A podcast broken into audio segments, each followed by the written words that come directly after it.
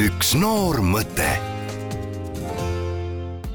nüüd on hea meel tervitada stuudios äsja üheteistkümnenda klassi lõpetanud judopoissi Jakob Varest, kellel on ette näidata vägevaid tulemusi rahvusvahelistel tippvõistlustel.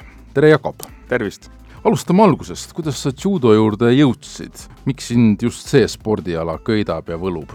No alustame siis täiesti algusest, et äh, proovisin enne viis aastat ujumist, akrobaatikat, tantsimist, äh, korvpalli, kõik alad sai läbi proovitud ja siis äh, mõtlesin, et nii, mis edasi. Ja klassivennad lõpuks ütlesid, et kuule, tule judosse, aga tule Elvasse aga mul isa tundis äh, Tartus judotreenerit ja siis sain Tartusse hoopis pandud.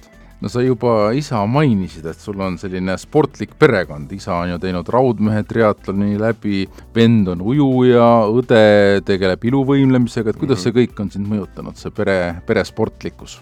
no siis peangi kõige parem olema, et see annab äh, ekstra motivatsiooni, et alati on äh, vaja suuremast vennast parem olla.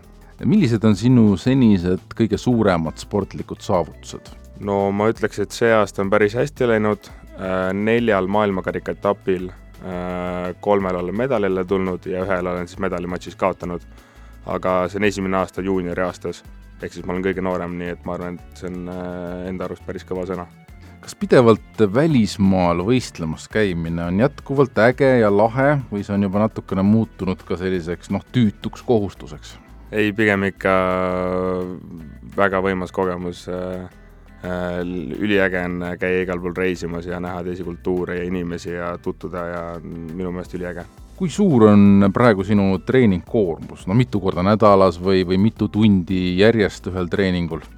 ütleme, need trennid on äh, kaks tundi pikad ja täiesti tipp-tipphooajal äh, teen ma siis iga päev kaks korda päevas trenni, aga see kestab ainult paar nädalat, muidu on kuskil ütleme nii, et kümme-üksteist korda nädalas trenn noh, nii noorena tippsporti tehes oled sa tahes-tahtmata pidanud ju noh, paljust loobuma. noh, sa ei saa võib-olla eakaaslastega sarnaselt pidutseda ja ma olen aru saanud, et sa ei ole ühelegi klassiõhtule jõudnud viimastel aastatel, et kas sa mõnikord kahetsed ka kuidagi seda, et sa oled justkui pidanud millestki loobuma?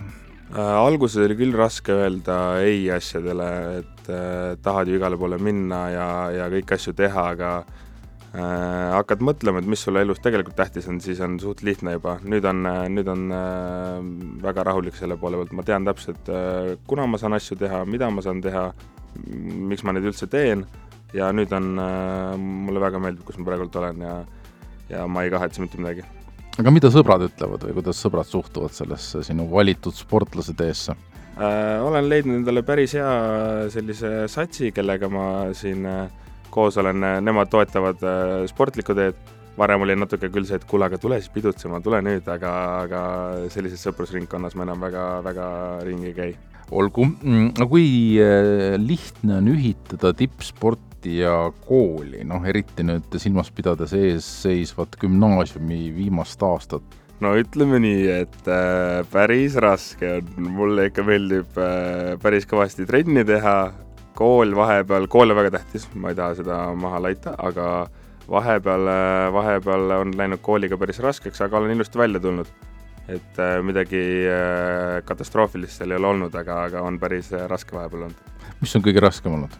matemaatika okei okay., aga sa oled juba otsustanud, et aasta pärast, kui nüüd siis gümnaasium läbi saab, jääd sa Eestisse, lähed sa välismaale, sa jätkad äh, haridusteed äh, ülikoolis või keskendud tippspordile ainult äh,? tahaks ikkagi ülikooli ja tippsporti korraga teha, aga olen mõelnud kuskil siin viimane aasta, et tahaks just ikkagi välismaale minna.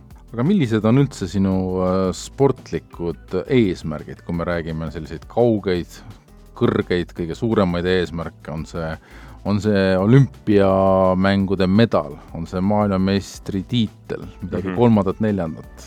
ei no muidugi kõikidel sportlastel on äh, olümpiamängud ju nii-öelda esimene prioriteet, aga aga mulle meeldib võtta asju äh, etappide kaupa, et lähme alguses vaikselt, et võtame aasta kaupa, siis lähme kahe aasta kaupa, kolme, nelja ja niimoodi jõuamegi lõpuks olümpiale välja, et et äh, mulle meeldib niimoodi läheneda mitte et kohe panna kõige suurem eesmärk, sinna me alles pürgime, aga alguses võtame väikeste eesmärkidega kes on Eestis judokatest sinu eeskujud?